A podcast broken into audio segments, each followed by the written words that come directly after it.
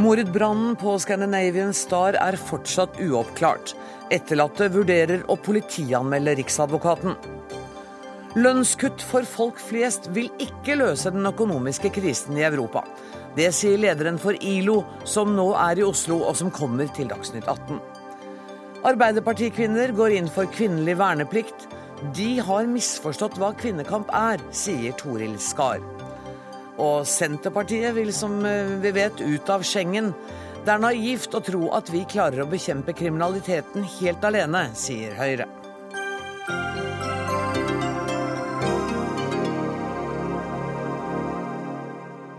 Dette er noen av sakene i Dagsnytt 18 i dag, hvor vi også skal møte Erik Fosse, legen som i 30 år har arbeidet i ulike konfliktsoner, og som nå har skrevet bok om sine erfaringer. Men aller først, altså. 159 mennesker døde i mordbrannen på Scandinavian Star. Brannen startet natt til 7. april 1990. En dansk lastebilsjåfør ble utpekt som brannstifter, men sist helg la en ekspertgruppe på 14 personer fram det de mener beviser at dette dreier seg om, en, om forsikringssvindel, og at det var deler av mannskapet som sto bak mordbrannen. Og forfatter Kjell Ola Dahl, det er jo ikke første gang vi hører at det er andre teorier om hva som skjedde eh, under denne mordbrannen. Du har skrevet boka 'Dødens seilas', som handler nettopp om denne saken, og du var med under presentasjonen i helgen.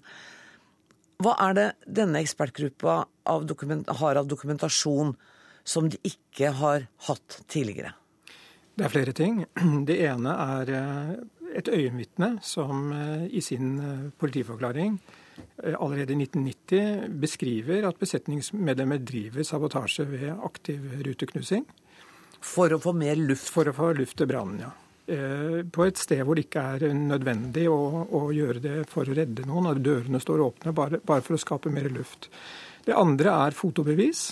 Det nemlig en, var nemlig en brann som oppsto mens båten var under slep. Eh, tolv timer etter at politiets gjerningsmann var død.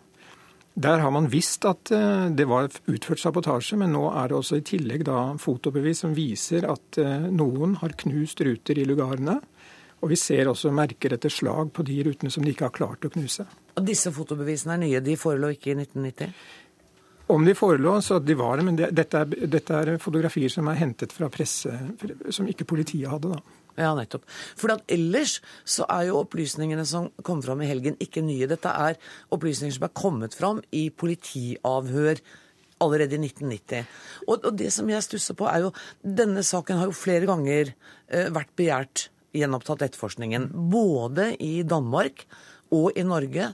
Og Riksadvokaten i Norge har altså senest for et år siden sagt at den blir ikke gjenopptatt. Hva er det som gjør at dere tror at den kan gjenopptas nå?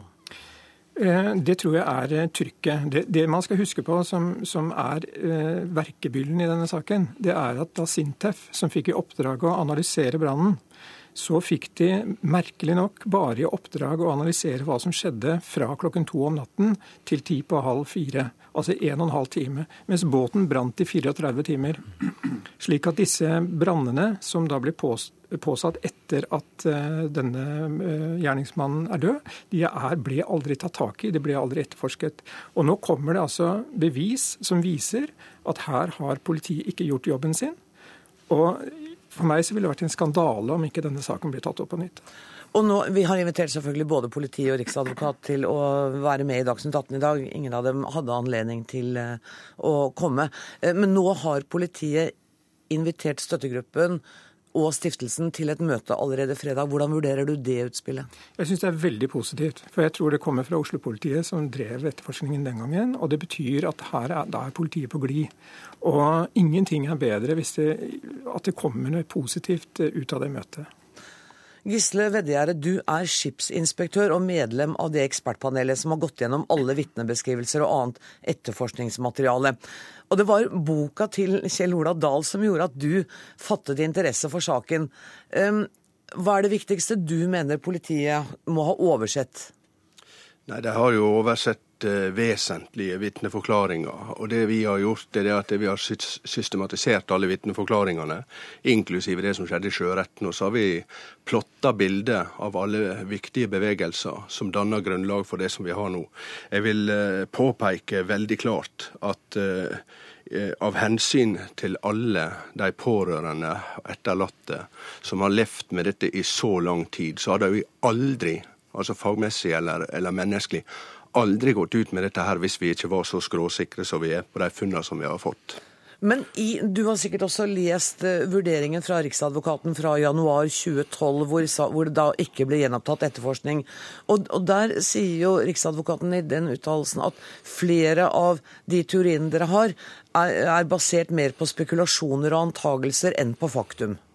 Nei, Om det vil jeg si det at den er ikke verdt papirene skrevet på, for den er basert på en grov feilinformasjon fra de som har eh, skrevet skriverier på, på oppdrag fra politiet i Oslo i et brev fra 15.11.2001 eh, fra, fra påtaleansvarlig. Og Han eh, bruker feiekosten på samme måte som de andre har gjort gjennom disse tidene som har gått. Men altså det som vi sitter med nå, er så knallsterke og, og dokumenterte bevis og vitneskildringer med vitner som vil stå fram, at eh, disse her tingene tror jeg vil bli veldig, veldig interessante for politiet. Men det er jo ganske alvorlige beskyldninger du nå retter både mot politi og påtalemyndighet? Selvfølgelig så må det være en eller annen grunn til hvordan dette her greiene her har, har eh, foregått. Og, og, jeg har kjent nakkehåra reise seg mange ganger når jeg har gått gjennom akkurat de vurderingene som blitt tatt her. Fordi at det, For det første så har jeg jo aldri hatt noe teknisk ekspertise inne i bildet her på maritim sektor i det hele tatt. Det dreier seg om utredningene som var gjort den gangen og slikt. Men altså, jeg vil påpeke at, eh, at når jeg nå registrerer at Øystein Mæland, som var en av de to utrederne som var der fra Sintef, går ut i media og krever ny eh, etterforskning på bakgrunn av de opplysningene vi har gitt han, så står det respekt av det, altså. Mm. Han, ja. Men samtidig så er vel ikke Mæland enig i alle de vurderingene som er gjort av stiftelsen og støttegruppen heller? Nei, men så har han heller ikke fått vært igjennom og, og, og diskutert det med oss på en skikkelig måte da i plenum. og, og når han får det, så tror jeg det at han vil danne seg et litt annet bilde. fordi at det, eh, Vi skal huske på en av de mest alvorlige tingene som har vært gjort her. Det er det at det, når, når, disse tingene skulle vurderes og tas der nede i, Lysekil eh, etter brann, så eh, kom de inn i et bilde Eh, der de eh, mangla massevis av hull i, i, sine konklusjoner. Og da brukte de i en utstrekt grad en, en, en sakkyndig på maritim kunnskap. Og han var en av de potensielt mistenkte. Og Det er maskinsjefen på, på Scandinavian Star. For i utgangspunktet var alle mistenkt inntil de var sjekka ut av saken. Og det var han ikke på det tidspunkt på noen som helst slags måte. Men han har heller aldri blitt etterforska. Han har ikke vært gjenstand for etterforskning. Kjell Ola Dahl, da du ble bedt av Pax om å skrive eh, denne boka, var det en oppgave du da gikk til med forventning om å finne de tingene du har funnet? Eh, nei, altså jeg eh, jeg var veldig ambivalent, for jeg hadde egentlig ikke lyst til å gå inn i det. For det første, det er veldig mye sorg i denne saken. Det er det ene. Og det andre er at, at det er en veldig stor og komplisert sak med masse dokumenter og papir. Jeg så for meg et uh, umenneskelig arbeid som også ble etter hvert. Men så begynte jeg å grave, da. Og da, da, da bare dukka det ene opp etter det andre, og da var jeg bare nødt til å fortsette. Um, er det rett og slett en terrorhandling det de har vært utsatt for på Scandinavian Star? Uh, definisjonen av terror. Jeg tror at dette bunner i en forsikrings, uh, forsikringsbedrageri og skattebedrageri. Men det er jo en kynisme i så tilfelle utover all begripelighet. At man av, forsikringsgrunner skal uh, sette livet på spill til mange hundre mennesker og drepe 159 av dem. Ja, og her er det politiet må komme inn. Ikke sant? For det er politiets oppgave å finne ut hva som har skjedd. Og det har de ikke gjort. Fordi at vi, vi finner hendelser som er helt uforklarlige. Men vi vet at de har, de har, foregått. Det har foregått aktiv sabotasje. Det har foregått likskjending. Ja, hvorfor det? Og det må politiet finne ut. Dere vet at det har foregått likskjending? Ja, altså folk har, eh, Sabotører har tråkket over døde mennesker og drevet antennelser mens båten har vært under slep.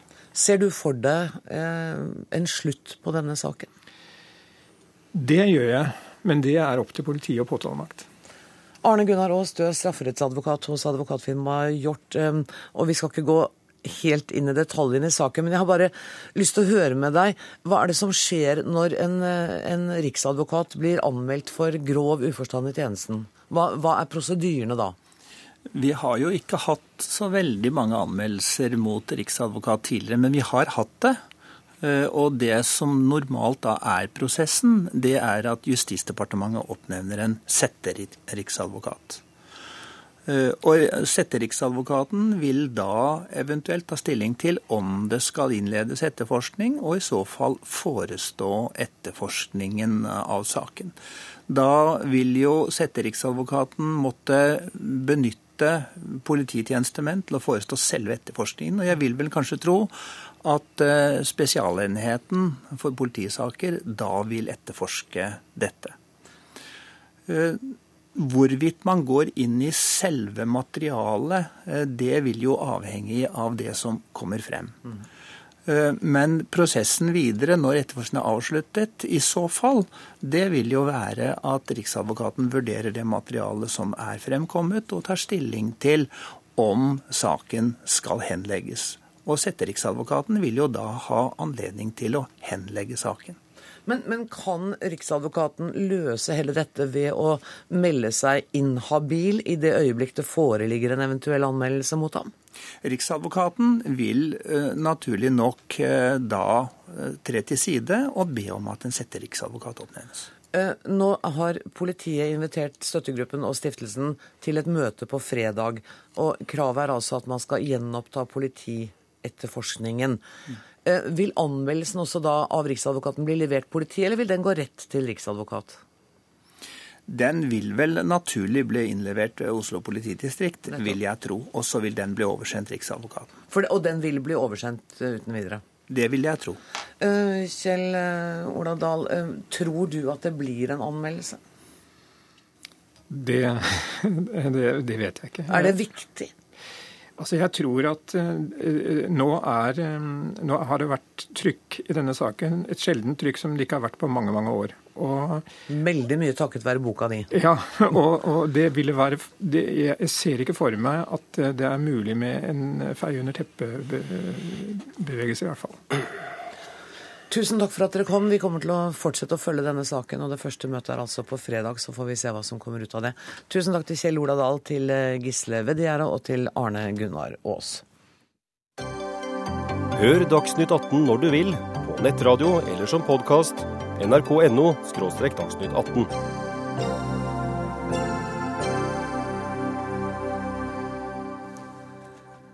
Snart kan det være historie at bare menn må inn i militæret. Senterpartiet gikk inn for kjønnsnøytral verneplikt på sitt landsmøte, og nå ber flere fylkeslag i Arbeiderpartiet om det samme.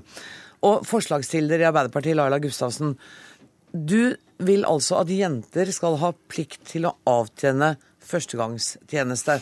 Hvorfor det? Jeg vil at jenter og gutter skal ha samme plikten, altså verneplikt. Det er ikke det samme som førstegangstjeneste. Men ut fra verneplikt så vil det jo være et visst antall mennesker som avtjener førstegangstjeneste. Mm. Så grunnlaget, eller utgangspunktet mitt er at eh, i 2013, når vi kjemper for likestilling eh, i Norge, så forsvaret, må Forsvaret være en del av det. Og da bør kvinner og menn i samfunnet ha samme plikt til å forsvare landet, rett og slett. Men vi har jo allerede en sesjonsplikt for kvinner. Ja, det har vi. Og det fører ikke Til noe det som helst? Jo, det fører litt Det, det kommer noen skritt fram, men ikke langt nok. Vi har en ambisjon Målet var om 20% deltakelse fra kvinners side, og vi er ja. på 8 ja, Så vi er langt ifra målsettinga, og det henger sammen med at kvinner ikke ser for seg eh, at de er på en måte gode nok soldater. Eh, Tror du det er grunnen? Ja, jeg tror det er grunn, og at ikke kvinner og menn i det norske samfunnet har samme, samme, utgangspunkt, nemlig en verneplikt. Når vi lagde Grunnloven, ikke vi da, men når de kloke mennene på Eidsvoll eh, lagde Grunnloven, så sa de at alle borgere i Norge har samme plikten til å forsvare landet. Så er det Stortinget som da har definert at den plikten kun omfatter menn. Og det må det bli slutt på i 2013. Det er det på tide å rive den likestillingsskansen, og kvinner og menn i, i Norge må ha samme plikt til å forsvare landet. Toril Skar, feminist og tidligere SV-politiker. Du er mildt sagt negativ til dette forslaget. Mener du at borgere bare er mannfolk? Jeg må jo bemerke at den gangen på Eidsvoll så var det jo det. At, uh, Men i dag? Et øyeblikk, ja. Og um, det er klart, borger, det å være borger innebærer både plikter og rettigheter. Og jeg syns slik som situasjonen i vårt samfunn er i dag, hvor det er så langt igjen før kvinner har samme rettigheter i praksis som menn, så ser jeg ingen grunn til å pålegge dem en ny plikt. Men kunne ikke dette være et skritt i riktig retning, da? Hva slags retning da? Av likestilling? Likestilling er blitt jo, betyr jo alt og ingenting. For meg betyr, det er det ikke snakk om at menn og kvinner absolutt skal gjøre alt likt til enhver tid. Det betyr at kvinner og menn har samme grunnleggende rettigheter og friheter. Og Hvis du ser på det norske samfunnet i dag, så er det et mannssamfunn. I makteliten som helhet er det fire menn for hver kvinne. Og når du ser på ressursene, så tjener, har inntekten til kvinnene omtrentlig to tredjedeler av det menn har. Så det er langt igjen før vi har det i praksis og i, i virkeligheten den makt og de ressurser og de rettigheter som vi skal ha. Men mener du at likestillingen ikke innebærer at kvinner skal ha de samme plikter som menn? Eh, da må du se på samfunnet som helhet. Og slik som det er i dag, så er det kvinner som jo bærer det tyngste ansvaret for omsorgsarbeidet, enten det er lønnet eller ulønnet, for barn, for sykelige, for, for gamle. Og i den situasjonen syns jeg jo det er helt urimelig at de skal ha et, et plikt til, i tillegg til det de allerede har. Laila Gustavsen, det er jo et godt poeng. At det Nei, er nok plikter på kvinner i dag? Altså, Kvinner i dag har mange plikter, men de har ikke plikt til å forsvare landet. Og det går jo ikke an i, i 2013 å sitte og forsvare. Og jeg, skulle, jeg, jeg lurer jo på hva slags, hva slags, eh, vernepliktsordning som eh, min debattkollega her ville ha innført i 2013, hvis vi skulle lagd en helt ny ordning. Ville det vært en ordning som hadde vært omfatta, eller der både kvinner og menn var omfatta på samme måte, eller ville det ikke vært det? Ja, For det første så syns jeg at det er en veldig snever definisjon av det å forsvare landet og bare snakke om militært forsvar. Mener vi skulle lagt mye større vekt på aktivt arbeid for fred, for konfliktløsning og, og løsning av stridigheter mellom parter både hjemme og ute, med ikke-voldelige midler enn i dag. Vi har, for eksempel, vi har jo et forsvarsdepartement, men ikke et fredsdepartement. slik at hvis du først skal snakke om å verne og forsvare landet, så har vi et altfor snevert begrep på det i dag. Men da, da uh, tolker jeg dit at det du egentlig snakker om, er at vi ikke bør ha den type forsvar vi har nå. Jeg syns militariseringen både i Norge og i verden har gått altfor langt. Nettopp. Jeg mener, det er jo, Hele verden er jo militarisert. Men det er jo en litt annen debatt enn spørsmålet om kvinner skal delta i å verne og verge landet sitt. Nei, jeg syns ikke det. fordi at slik som samfunnet vårt og veldig mange andre samfunn er, så enten det er biologi eller sosiale strukturer, så lever menn og kvinner ulike liv. Og de livene kvinner lever, er mye mer preget av omsorg, av å ta vare på, enn mennenes liv. Og det, og det som er situasjonen, det er at kvinnene kommer jo ikke til å forme samfunnet slik som de gjerne ville, fordi de har jo ikke de maktposisjonene de skulle ha i sin helhet. Og Gustavsen, Det er vel et poeng at kvinnene bør ha andre typer maktposisjoner i samfunnet også? Jo, men ikke sant? Det er jo en veldig rar eh, inngang til en prinsipiell eh, debatt. Og, og, og, altså jeg kjenner deg som en, en ihuga feminist. Og jeg syns det er veldig veldig rart eh, at du kan kalle deg en feminist og være motstander av et likestilt eh, forsvar. Altså Forsvaret trenger kvinner. Vi trenger et for, Nettopp fordi det er Forsvaret og fordi det er en spesiell organisasjon som skal verne landet eh, i i krig og, og, fred, så trenger den organisasjonen å gjenspeile samfunnet. Vi argumenterer for økt mangfold innenfor alle andre sektorer, men når det kommer til Forsvaret, så skal liksom kvinner ha det frie, frie valget. Også jeg vet om veldig mange menn som syns det er fryktelig urettferdig, og jeg vet om veldig mange kvinner som, eh, som også er, er veldig uenige. Altså Alle ungdomsorganisasjonene står jo nå fram og, og ønsker seg en eh, en eh, kjønnsnøytral eh, verneplikt. og Jeg syns vi skal lytte på ungdommen. Ikke på, ikke det, på elitefeminismenes eh, argumentasjon, men, som jeg oppfatter Men, Toril har, har hun ikke rett i at militariseringen Det vil jo være med på å bygge opp under militariseringen av samfunnet, hvis vi fikk et enda større og sterkere forsvar med enda flere kvinner? Nei, man kan gjerne være pasifist. Altså, det er et helt legalt eh, standpunkt å mene at eh, Norge ikke skal ha et forsvar og være eh, altså for fred og, og fredsbygging. Altså, det gjør vi også. Og Norge er en fredsnasjon. Og vi klarer selvfølgelig å være det samtidig som vi har evnen til å forsvare landet. Så det å være pasifist er liksom et realt standpunkt. Men når vi først skal ha et forsvar, så er jo spørsmålet hva slags forsvar skal vi ha? Og det forsvaret er nødt til å, å gjenspeile befolkninga, og da, nødt, da også kvinner, bør også kvinner ha de samme pliktene pliktene og rettighetene som menn. Vi kan ikke føre en likestillingspolitikk eh, som bare sier, der vi bare sier at jo, vi damene vi, vi skal ha alle rettighetene. Vi skal ha liksom samme arenaene som menn. Vi skal kjempe oss inn i aksjeselskapsstyrer, men vi skal ikke ta på oss de byrdene det er å, å verne landet. En sånn eh, feminist er ikke jeg. Eh, og jeg vil si at de feministene som sier det, at kvinner skal bare ha rettigheter og ikke plikter, de er elitefeminister. Er du elitefeminist, Toril Skår? Nei, det syns jeg ikke.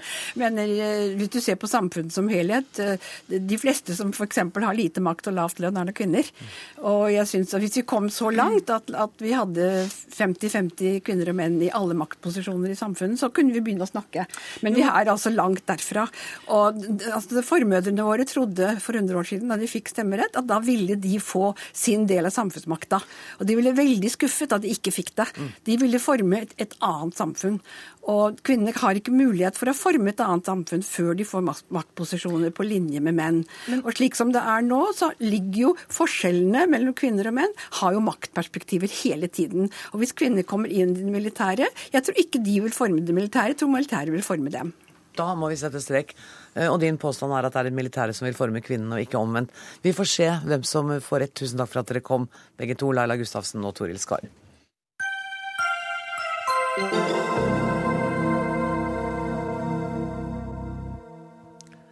OECD mener en rekke europeiske land bør kutte lønningene for å få ned arbeidsledigheten.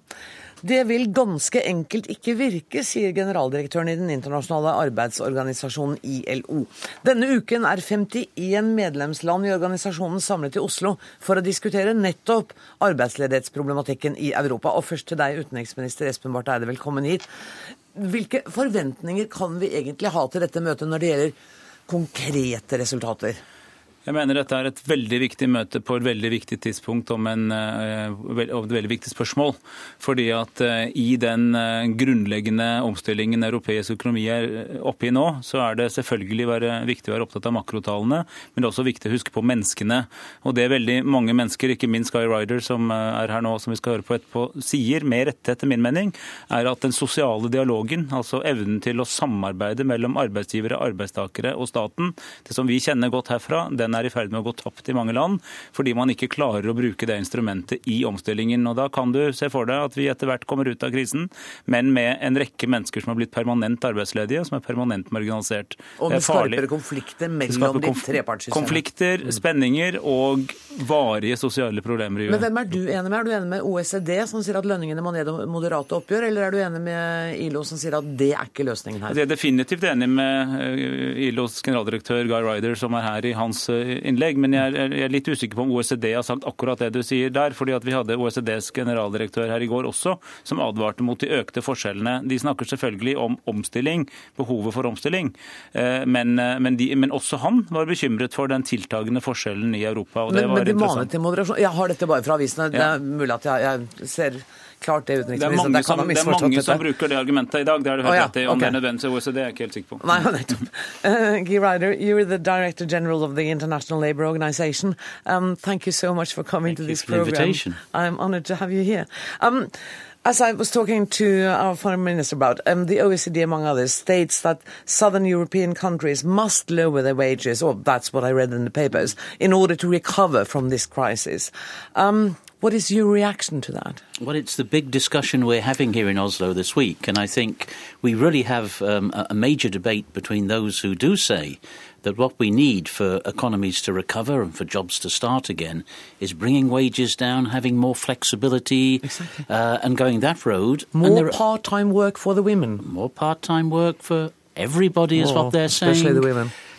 Absolutely. But on the other side, uh, there are those who are saying, well, look, what we need actually is to get some growth into our economies, mm. and that means spending, that means getting demand going. And we're having that debate uh, just down the road here, and I think it's, the results are going to be very important. Mm. I think between these opposing views, uh, there is, I think, two messages. One is that uh, whatever you think, it's very good to have dialogue. It's very good to have social dialogue. And I, uh, I can tell you, not just to be polite here in Oslo, that people look at Norway and they say, look, you have a very effective way of dealing with problems by talking them out. Uh, and people see that as a really positive example. But then again, we don't have the real problems because we've got oil at the moment.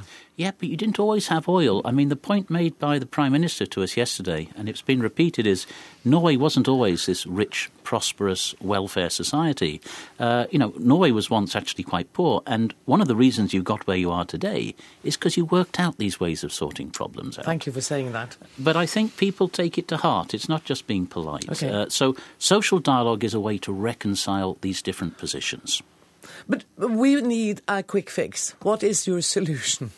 You know, I agree with what the managing director of the IMF, the International Monetary Fund, said on this one. She said, "I don't want a quick fix. uh, I want a good fix. I want the right fix." And no, there are no magic solutions here. Let's not have any um, illusions about it. There are more than 40 million people unemployed in the countries represented at our conference this week. You know that youth unemployment in the European Union is one in four, one in four people. We have to work hard. We can't lose time because we will lose a generation of young people.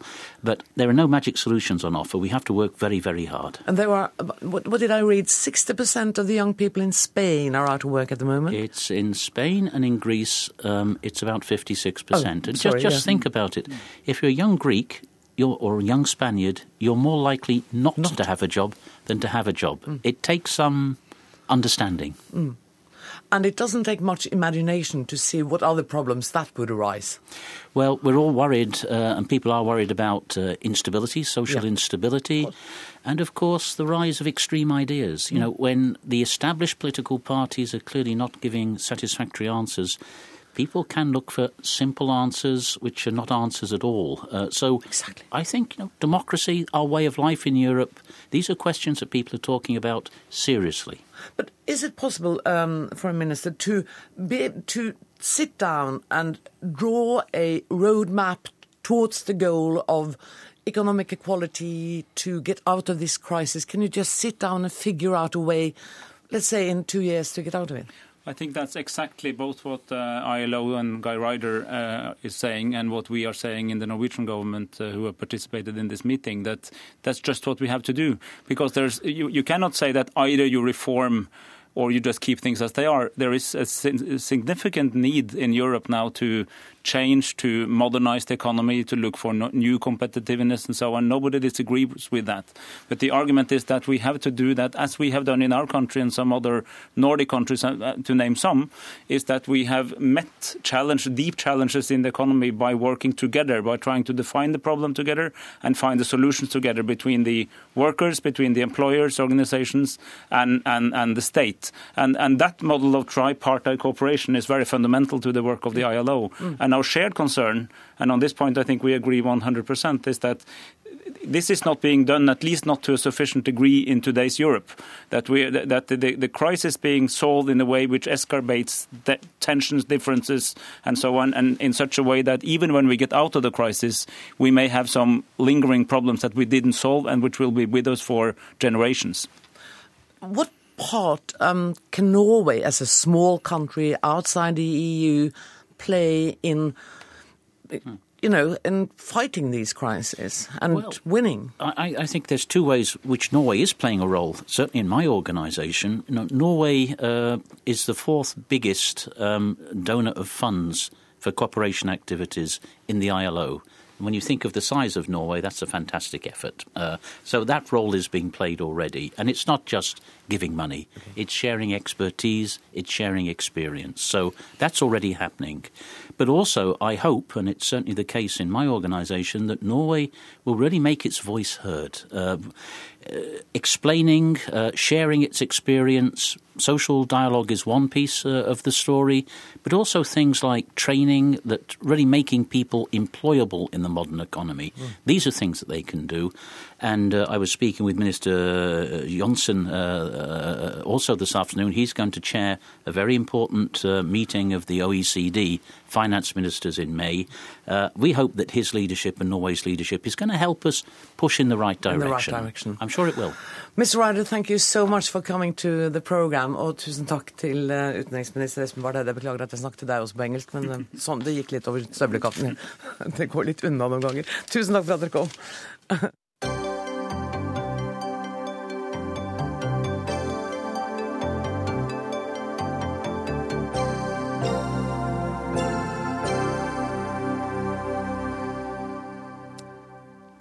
De er kvinner som bar på sterkt funksjonshemmede barn og følte at legen forventet at de skulle ta abort.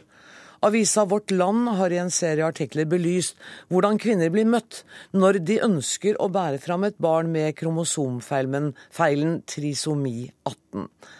En av de tre som står fram og forteller om abortpress er deg, lege Siri Fuglem Berg. Du fødte et barn med denne diagnosen i 2010. Kan du først forklare hva er trisomi 18? Trisomi 18 er eh, den vanligste kromosomfeil etter Downs syndrom. Med Downs syndrom så har det tre utgaver av kromosom 21. Ved trisomi 18 har det tre utgaver av kromosom 18.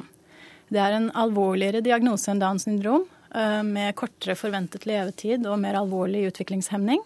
Eh, så de barna har jo da dårligere utsikter sånn sett. Vet du nå hvor mange barn dette rammes, som rammes av dette? Ja, der eh, er det litt forskjellig statistikk. Det er alt fra én av 3000 til én av 8000 fødsler som angis i litteraturen verden mm. over. Så det er litt sånn rundt én av 5000, kanskje. Ja, nettopp. Eh, du bar på et barn som fikk denne diagnosen i 2010. Fortell hva du opplevde.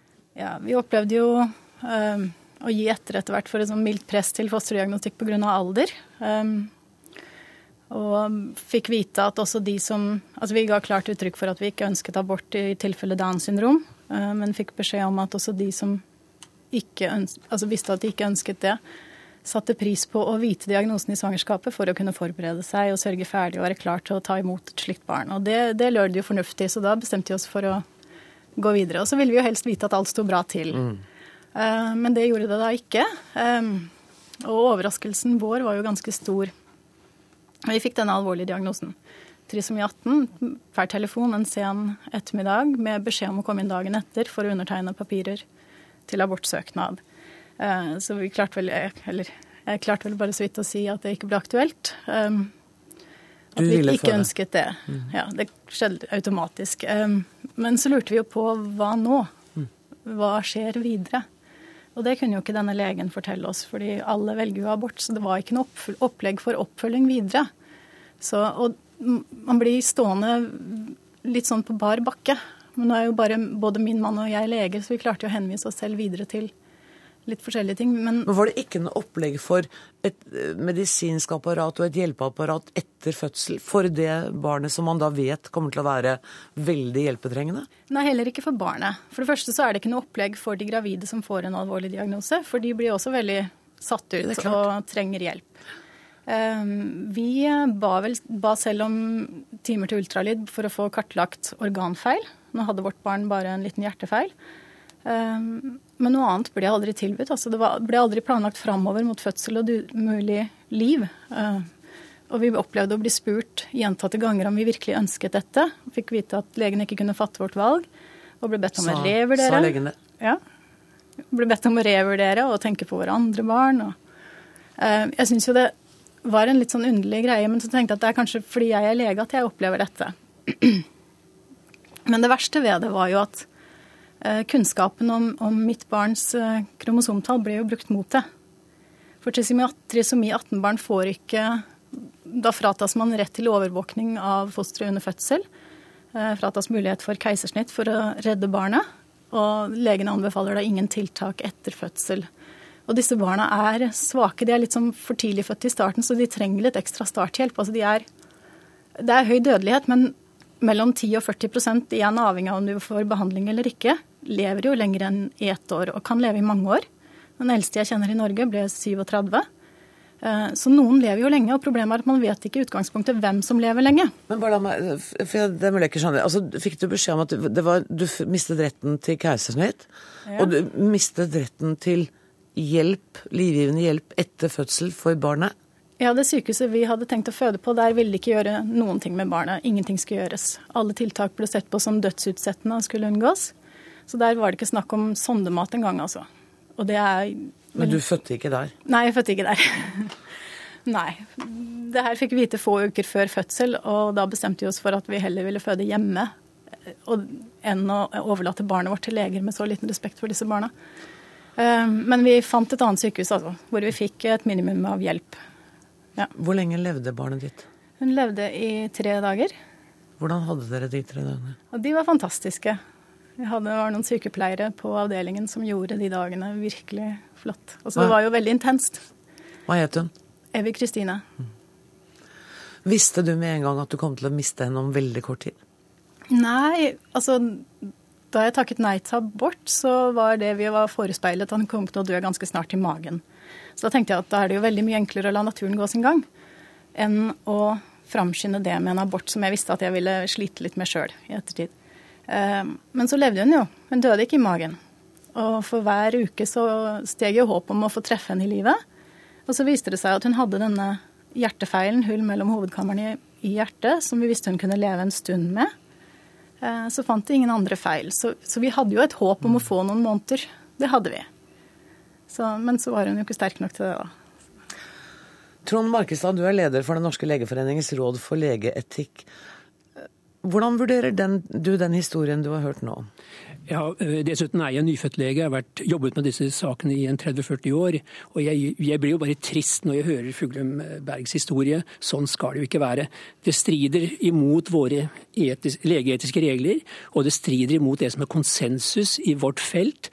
Eh, dette på en måte å øve press eh, i en slik situasjon.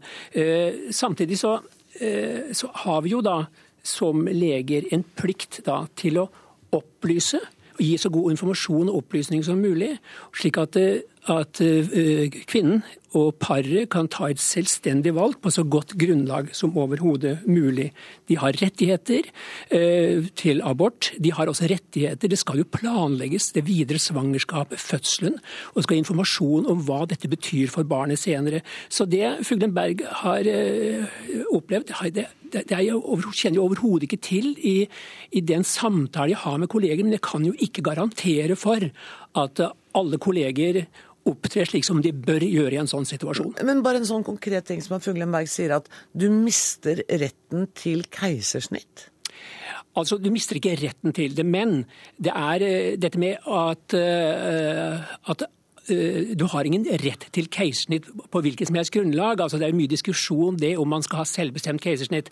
Nå er det slik at selve fødselen er jo ikke en større belastning for et barn med trisomi 18 enn for et annet barn. Og jeg vil nok si det at jeg syns nok det ville være veldig eh, bekymringsfullt hvis man skulle ta keisersnitt på et barn med trisomi 18. Keisersnitt er en risiko for kvinner, og der må faktisk fødselslegen gjøre en vurdering men, og diskutere det. Men Markestad, um, for det første så er det ikke bare jeg som har opplevd denne form for abortpress. Eh, jeg har jo blitt kontaktet, jeg har fulgt flere gravide gjennom mm. svangerskapet, jeg har blitt kontaktet av mange også. De, de ja. forteller jo det samme som meg. For jeg trodde jo at det vi opplevde var helt forferdelig, men det viser seg jo at det er mer standard enn noe annet.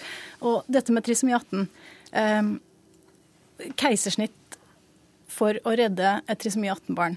Eh, det vil man ikke gjøre i Norge, fordi man mener at man ikke skal redde, eller utsette mor for risikoen for å redde disse barna. Mm. Men nå mener jo jeg at, uh, at det altså, Det snakkes så fint om kvinnens autonomi når du skal velge abort mm. eller ikke.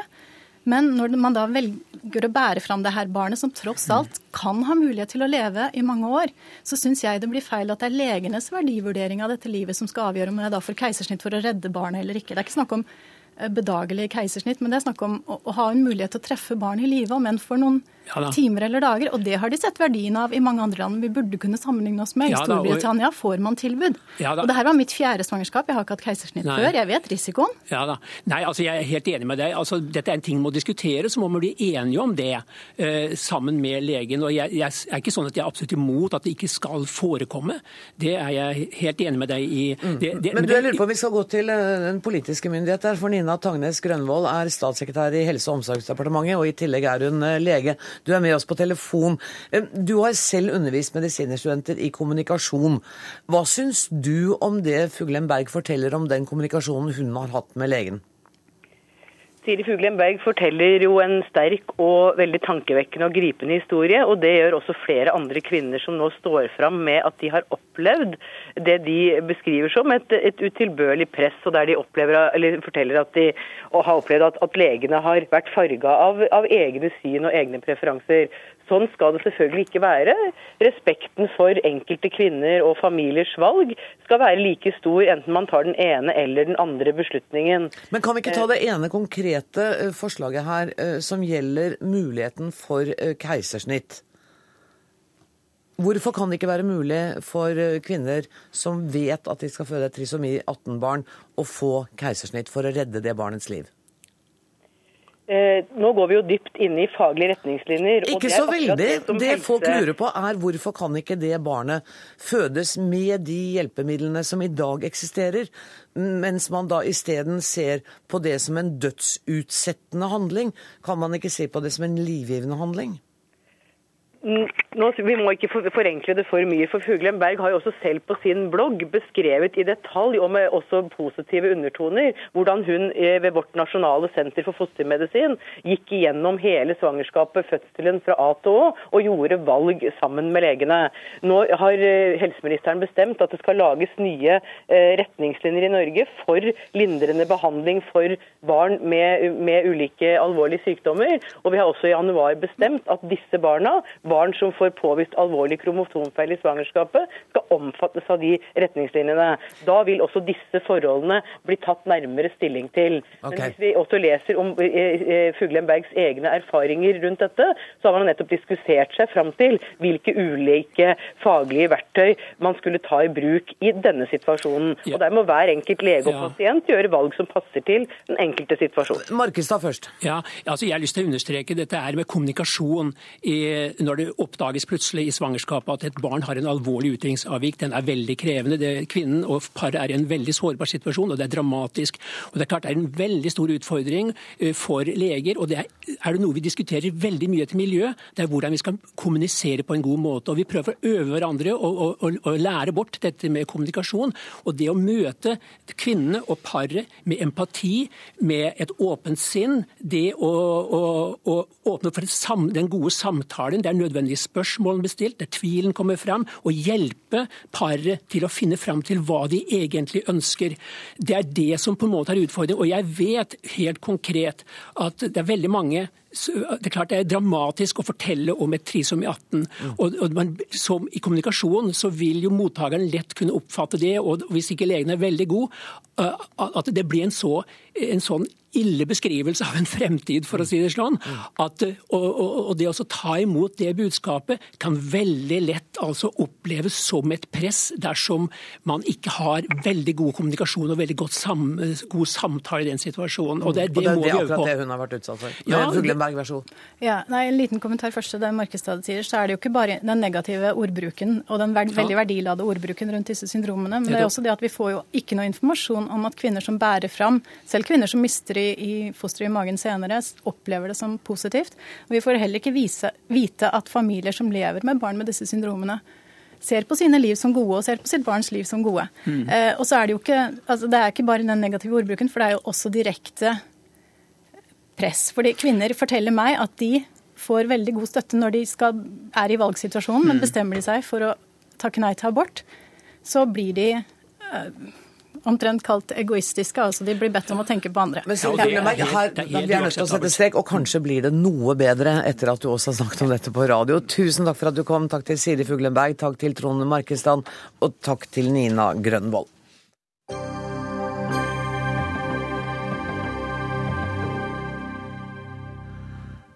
I dag innførte politiet et nytt våpen i kampen mot kriminalitet på tvers av Europas grenser. Et nytt felleseuropeisk datasystem for alle medlemslandene i Schengen lagrer opplysninger om kriminelle, som f.eks. foto, fingeravtrykk og stjålne pass.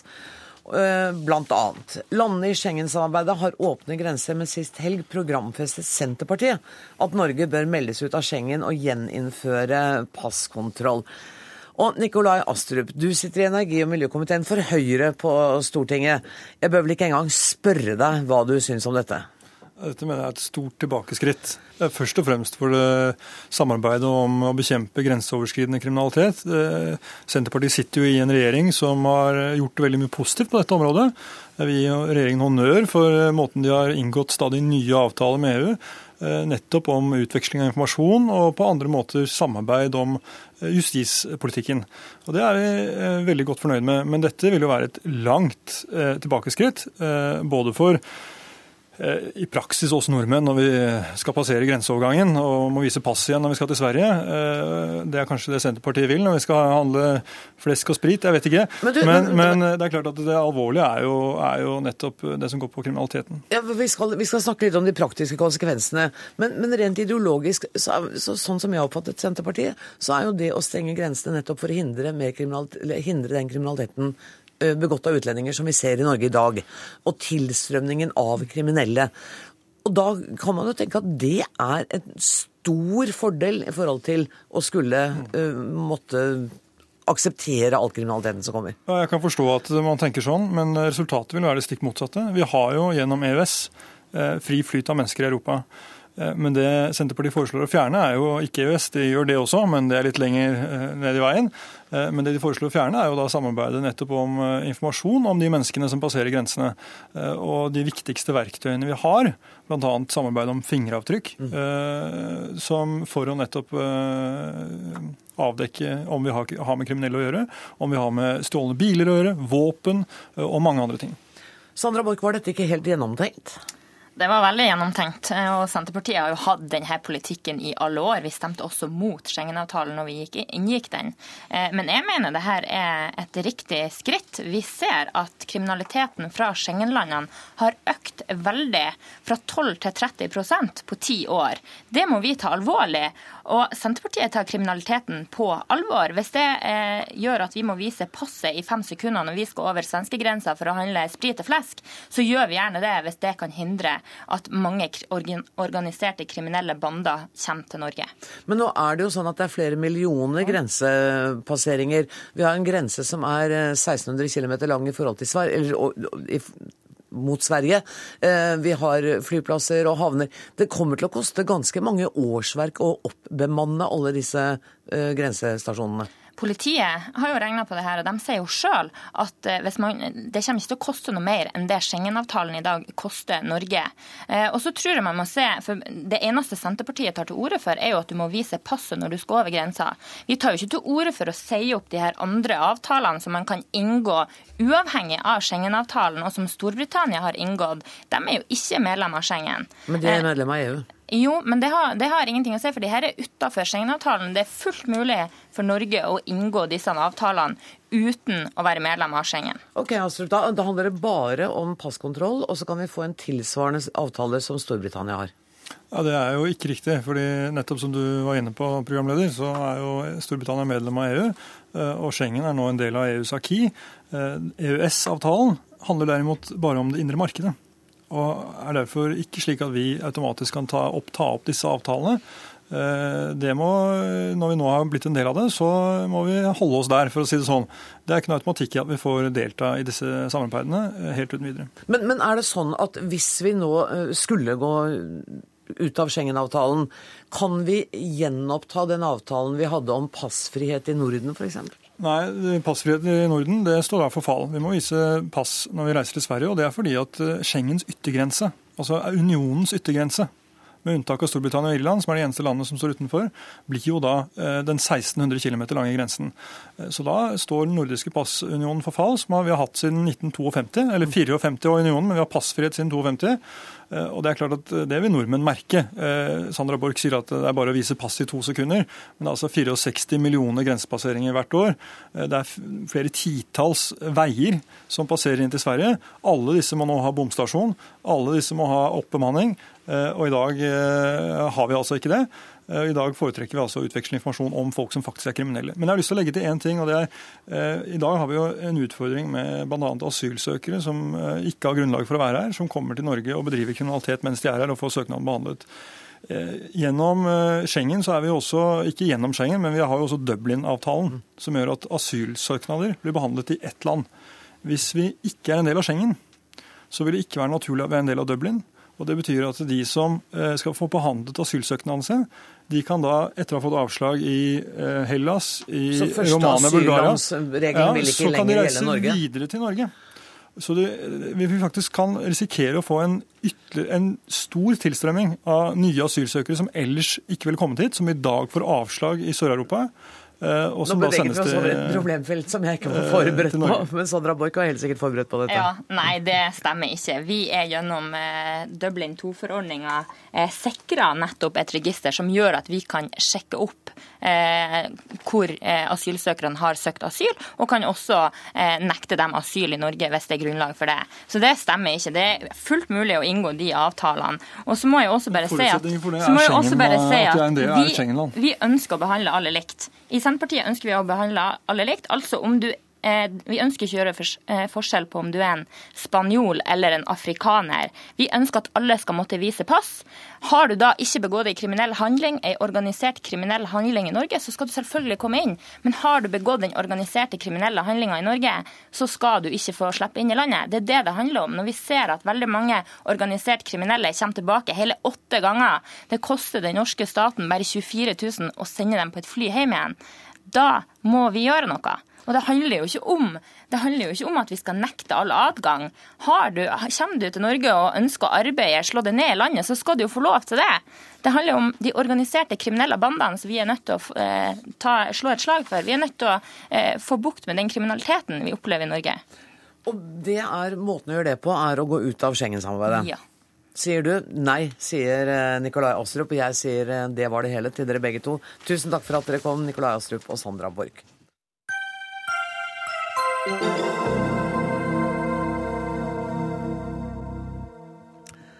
Mange av lytterne husker ham sikkert som en av de to norske legene som opererte og rapporterte mens bombene smalt i Gaza i, fra nyttårshelgen 2009.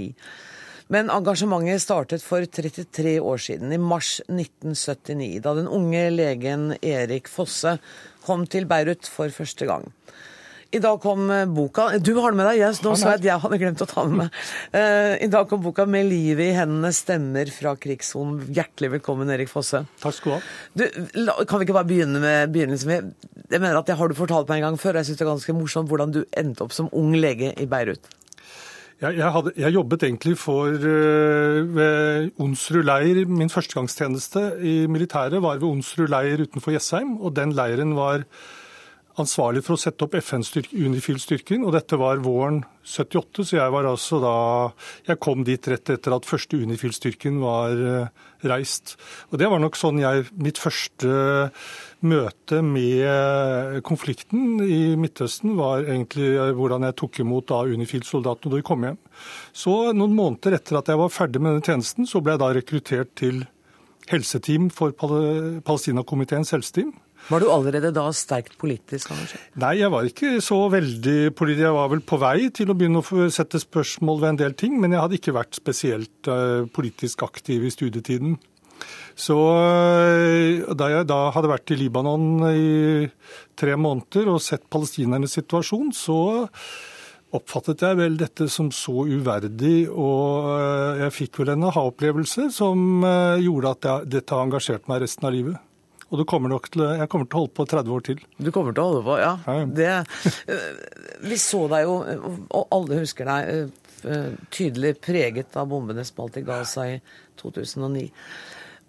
Jeg, jeg skjønner at du er profesjonell og at du tenker på jobben din, men, men går det an å fortelle allikevel hvordan man reagerer som menneske på å være i den situasjonen? Ja, for du blir aldri, uansett hvor profesjonell eller hvor mange ganger Jeg har jo opplevd dette mange ganger, det var ikke første gang.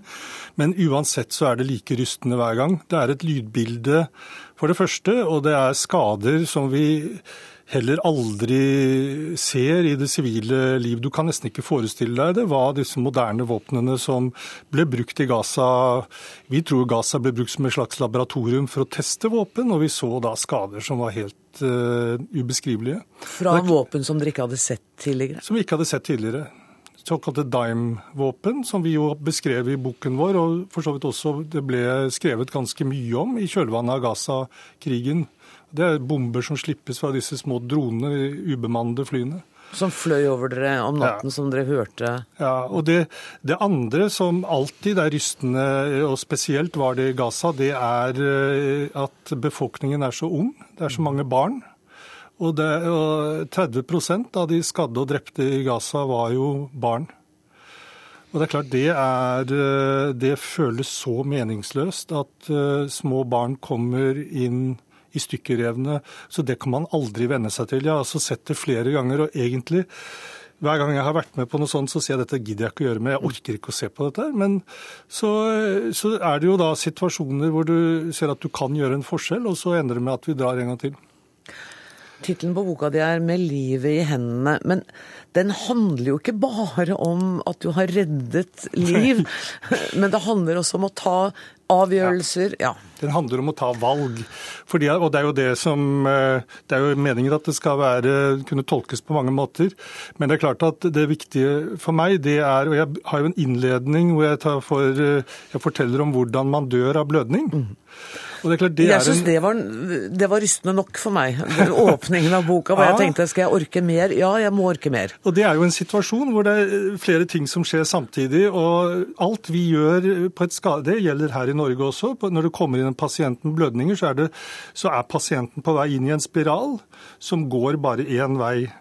Og Det gjelder da for oss å gjøre alt riktig og ta de riktige valgene, sånn at vi får stoppet den spiralen før den er irreversibel. Så det er jo noe skadekirurger eh, står overfor regelmessig. Og, og, det jeg tenker da er at uh, Det er jo litt av det samme med politiske situasjoner og land. At uh, man har en spiral Midtøsten er jo typisk en slags voldsspiral hvor du har en økende rasisme. Vi har en mer og mer håpløs situasjon for palestinerne. Og dette fortsetter og fortsetter, og på et tidspunkt så blir det irreversibelt. Og da kommer det helt, kanskje helt andre konsekvenser som kan koste mange menneskeliv i den regionen. Sånn at eh, Det er vel den analogien som jeg har tenkt mest på i, når det gjaldt tittelen. Ja. Eh, I boka di så om, omhandler du også de, de, politiske dilemmaene. Og jeg festet meg litt ved at uh, du er i et uh, møte med en gruppe jøder i Oslo ja.